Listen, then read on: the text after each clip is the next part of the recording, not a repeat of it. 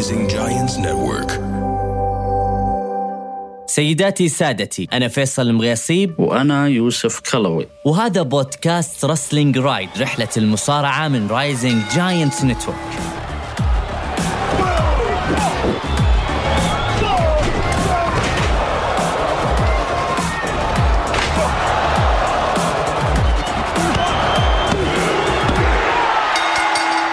يا هلا فيكم يا شباب على الموعد الأسبوعي. أنا معكم يوسف كلوي من رحلة المصارعة من Rising Giants Network حديثنا اليوم عن العرض السريع Fastlane نعم هو عرض سريع لكنه كان عرض صراحة متكامل. عرض يرضي جميع أذواق متابعين المصارعة. عرض كارد المباريات حقته أو المباريات المحددة له كانت مباريات جميلة. تكاد تكون مشابهة لمباريات عرض الرسلمينيا لكن لحظة لحظة لحظة.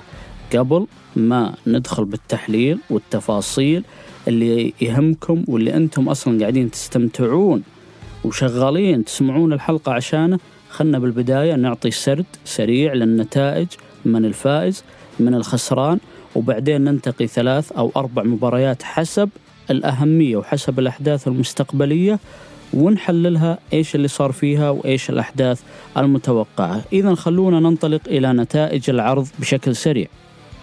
فريق نايا جاكس وشينا بيزلر أبطال الفرق النسائية يستطيعون هزيمة فريق ساشا بانكس بطلة عرض SmackDown وبيانكا بلير الفائزة بال Royal Rumble. عندنا أيضا بيج اي بطل القارات ال Intercontinental Champion استطاع أن يحافظ على بطولته ويهزم المتحدي أبولو كروز. عندنا برون سترومان يهزم إلاياس. نعم إلاياس كان المفروض يواجه شين مكمان لكن من الواضح أن شين مكمان تعرض لإصابة والبديل كان إلاياس. سيث رولينز في مباراة جبارة جميلة جدا ترضي جميع العشاق يستطيع أن يهزم الياباني the King of Strong Style شينسكي ناكامورا وعندنا أيضا درو ماكنتاير.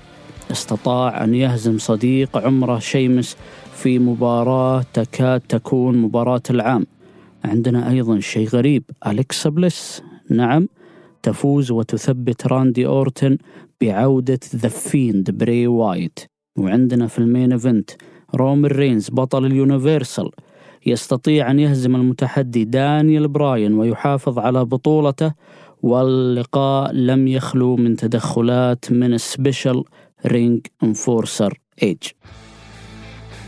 صراحة يا شباب مباريات كانت جميلة جدا. أنا استمتعت بالعرض من جرس البداية إلى جرس النهاية. ما حسيت بملل على عادة عروض المصارعة. عروض المصارعة ليست مملة لكن بالعادة تلقى مباراة مباراتين في نصف العرض أنت ما أنت مهتم فيها. الحاجة هذه حتى أكون صريح معك ما وجدتها بفاستلين وجدت أن كارد المباريات المعلن قبل العرض حمسني. شدني أني أتابع العرض. ولما جاء العرض وشفت المباريات وشفت الأداء بالحلبة فعلا الأداء والمستوى بالحلبة يرتقي أنه يكون عرض قبل رسلمينيا. طبعا ليش العرض Fastlane السنة هذه ناجح؟ عادة أن العروض اللي قبل WrestleMania يكون الزخم فيها ضعيف.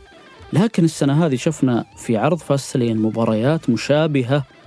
نعم مشابهة لمباريات WrestleMania ليش؟ إيش السبب؟ أنتم عارفين أن في الولايات المتحدة الأمريكية WWE Network التطبيق اللي قاعدين نشوف عليه عروض المصارعة الخاصة ب WWE على وشك أن ينتهي. وهناك حاضن جديد لل WWE Network ألا وهو تطبيق Peacock. فلذلك ال WWE عارف أن هناك قاعدة جماهيرية جديدة قاعدة تشاهد قناتها وتشاهد عروضها.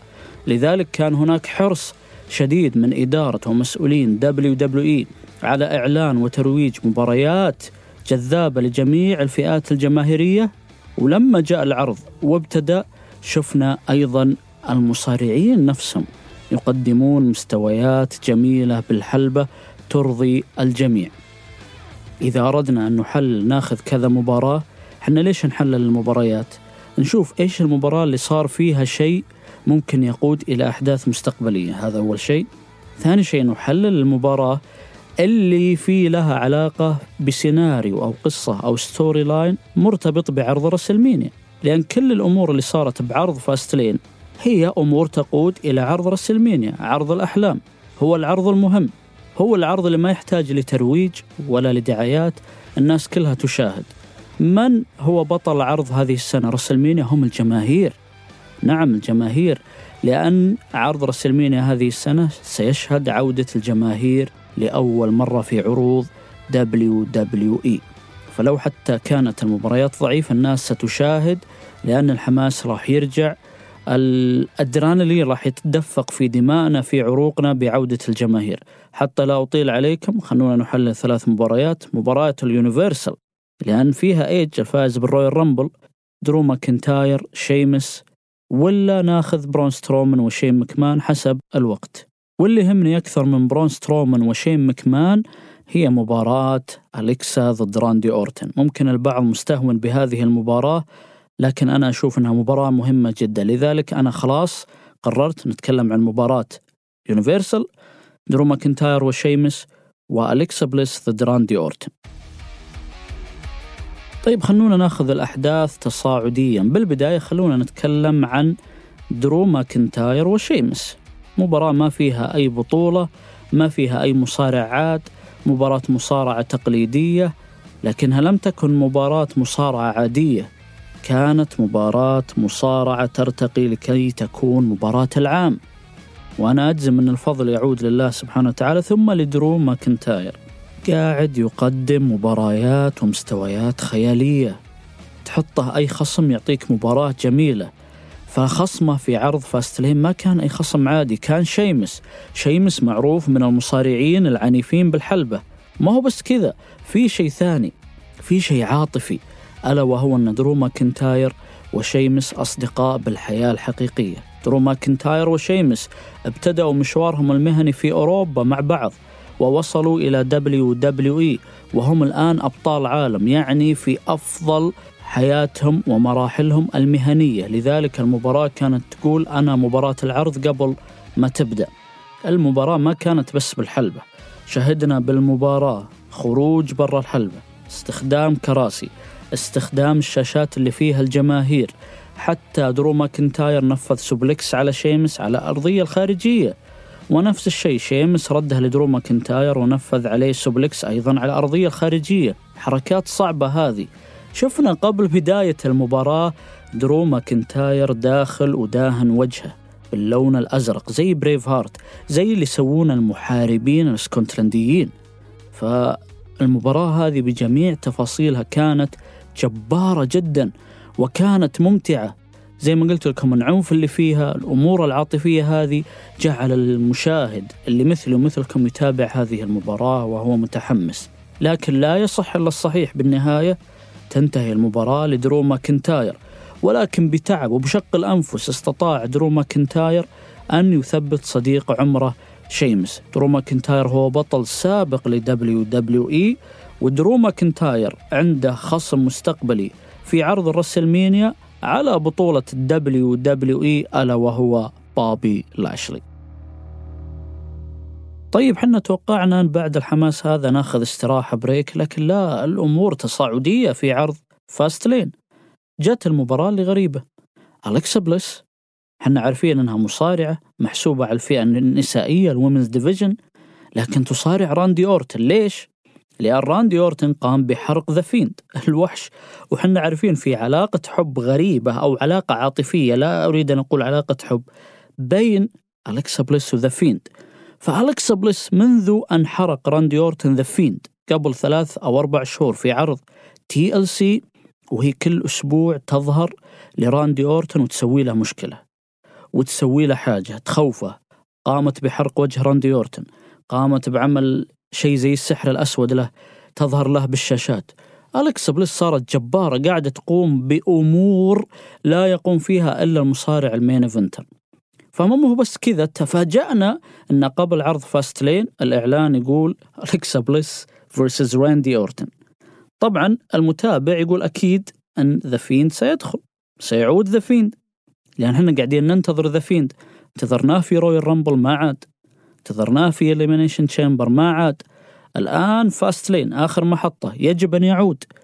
لأن الأحداث اللي قاعدة تصير بين راندي أورتن وأليكسا بليس كل الأحداث هذه تقول أن الفيند عائد قادم كانت زي التمهيدات. بالفعل كانت السيطرة والكف واليد العليا لأليكسا بليس. كانت تلعب مع راندي أورتن ألاعيب ذهنية كانت تدور حول الحلبة. كانت تستخدم أسلحة نارية زي اللي كانت تستخدمها في عرض ال Raw. لكن أجمل شيء اللي هو عودة ذا فيند في منتصف المباراة ذا فيند يخرج من تحت الحلبة. لكن مو هو ذا فيند اللي نعرفه ذا فيند جديد. ذا فيند وحش بالكامل محترق. كل أجزاءه وجسمه ووجهه وشعره محترقة. ليش؟ لأن هذا آخر علمنا فيه كان يلعب inferno match مع راندي أورتن. الفائز لازم يحرق خصمه وقام راندي أورتن بحرق ذا فيند لكن ذا فيند ما انتهى وعاد كانت شخصية مخيفة لما عاد صراحة راندي أورتن انصدم بعودة ذا فيند. ذا فيند على طول مباشرة اعتدى على راندي أورتن. يريد أن يحقق العدالة. يريد أن ينتقم لنفسه. لكن اللي صار بعد ما ذا فيند اعتدى على راندي أورتن جت أليكسا بليس وثبتت راندي أورتن 1 2 3 Wow. Wow. Wow. فكانت من النتائج المفاجئة في عرض Fastlane ومباراة مصارعة ترفيهية من الدرجة الأولى. ما انتهى الحماس ما انتهت المباريات. عندنا main event يا رجل المباراة الرئيسية اللي فيها رومن رينز بطل ال Universal the head of the table the tribal chief ضد المتحدي دانيال براين. دانيال براين اللي الآن بعرض WrestleMania كأنه توه يصحى. الأيام والشهور والأسابيع اللي فاتت كان نايم دانيال براين. ما يسوي أي شيء ولا يحاول يفوز ببطولة. فجأة لما رجع إيج كأن الغيرة اشتغلت عند دانيال براين. ليش؟ لأن هذول الاثنين إيج ودانيال براين مسيرتهم المهنية متشابهة. كيف يعني؟ دانيال براين اضطر أن يعتزل في يوم من الأيام بسبب إصابة وقالوا له لن تعود. لكن سبحان الله عاد إلى الحلبة. إيج نفس الوضع في يوم من الأيام تعرض لإصابة في الرقبة وقالوا لن تعود ولكن سبحان الله دارت الأيام وعادوا. فإيج فاز بال Royal Rumble وإيج الآن على موعد مع رومن رينز في main event WrestleMania. فدانيال براين كأنه يرى نفسه كيف إيج الأكبر عمرا مني واللي مر بنفس الأوضاع والظروف اللي مريت فيها قدر يحجز له مكان ب WrestleMania وأنا ما قدرت.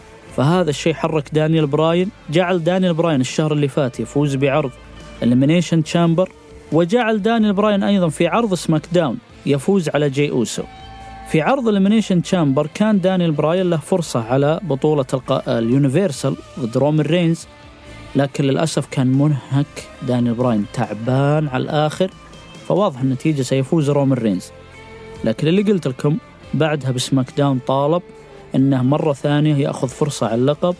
فحطوه ضد مباراة ضد جي أوسو في مباراة من نوع steel cage واستطاع دانيال براين أنه يخضع جي أوسو ويفوز عليه ويصبح مرة ثانية مصنفا أول لبطولة ال Universal. وين؟ يواجه رومان رينز في عرض ال Fastlane. لكن المباراة الآن حنا قلنا نبغى نتخلص من جي أوسو لكن دخل بالمباراة إيج. أيضا إيج وجي أوسو صار بينهم مباراة. والفائز راح يكون special ring enforcer في مباراة دانيال براين ورومان رينز. إيش يعني special ring enforcer؟ يعني المسؤول عن النظام حول الحلبة أو شيء زي كذا. فلما شفنا إيج موجود قلنا أكيد الأمور راح تكون عادلة ونظامية مية بالمية. لكن صارت مباراة رومان رينز ودانيال براين. كانت المباراة رتمها بطيء شوي وهذا شيء طبيعي لأن كل واحد قاعد يجس نبض الثاني. في نهاية المباراة اشتعلت الأحداث. المباراة صراحة كانت متعادلة. أنا كنت أقول أن دانيال براين إذا وجد فرصة عادلة نعم ممكن أنه يستطيع الفوز على دانيال على رومن رينز عفوا يعني ما كان عندي شك. ودانيال براين الأسابيع اللي فاتت إيش كان يقول رومن رينز؟ كان كان يقول له I will make you tap out. سوف أجعلك تستسلم. يعني مو بس أنتصر عليك. I will make you tap out. استسلام إخضاع. فلما جت المباراة حاول دانيال براين مرارا وتكرارا أنه يخضع رومن رينز. لكن رومن رينز يفكها أو يمسك الأحبال.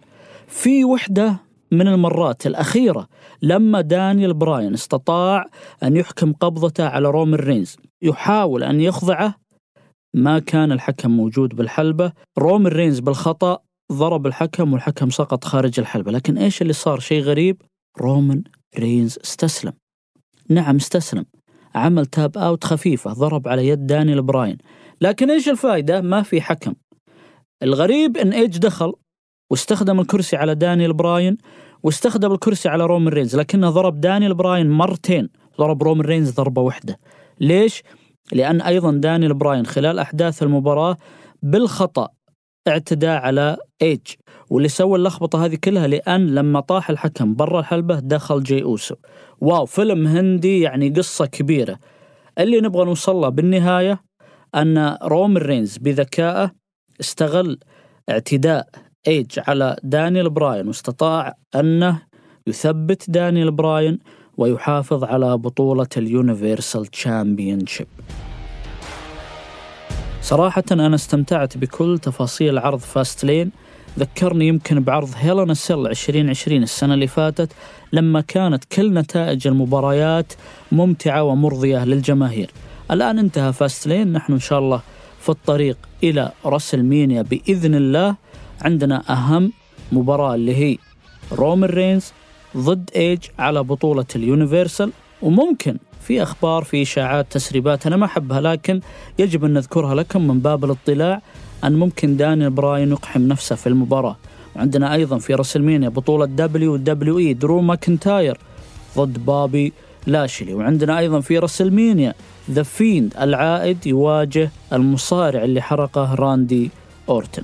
طبعا يا شباب كما عودتكم أنا استرسلت بالحديث مستمتع بالحديث والنقاش معاكم.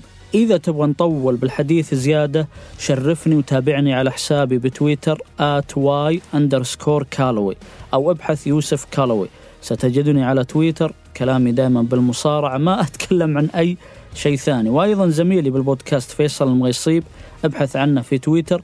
تجد أيضا حسابه مهتم بالمصارعة وبأمور أخرى لكن مصارعة هي دائما رقم واحد. مثل كل أسبوع لا تنسون التقييم. قيمونا أعطونا أفضل ما تملكون. إذا عندكم ملاحظات على الحلقة تعقيبات حنا مجموعتنا عندها حسابات في وسائل التواصل الاجتماعي. مجموعتنا اسمها GWS مجموعة المصارع Greatest Wrestling Show تجدنا على فيسبوك تجدنا على تويتر وتجدنا على انستغرام حسابي وحساب فيصل وحساباتنا بالتواصل الاجتماعي كلها موجودة بال description تحت. شرفونا حنا نفرح فيكم. هذه كانت حلقتنا لليوم. بإذن الله نحن مستمرين معاكم في الطريق إلى WrestleMania. goodbye مع السلامة.